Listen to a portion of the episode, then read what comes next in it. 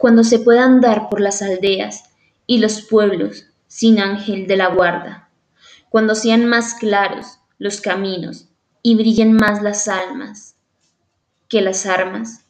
cuando los tejedores de sudarios oigan llorar a Dios entre sus almas, cuando en el trigo nazcan amapolas y nadie diga que la tierra sangra,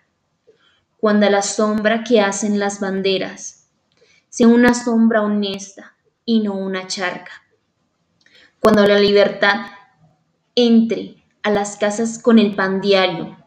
y con una hermosa carta. Cuando la espada que usa la justicia,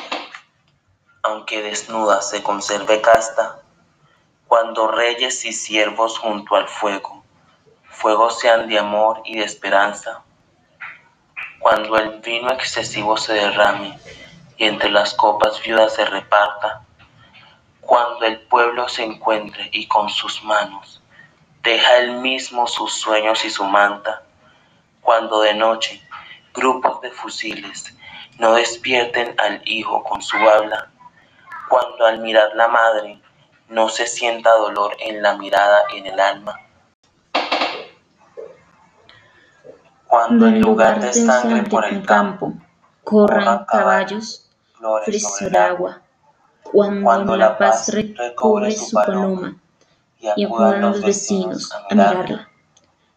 Cuando el amor sacuda las cadenas y la nazcan dos alas en la espalda. Solo en aquella hora podrá el hombre decir que tiene patria.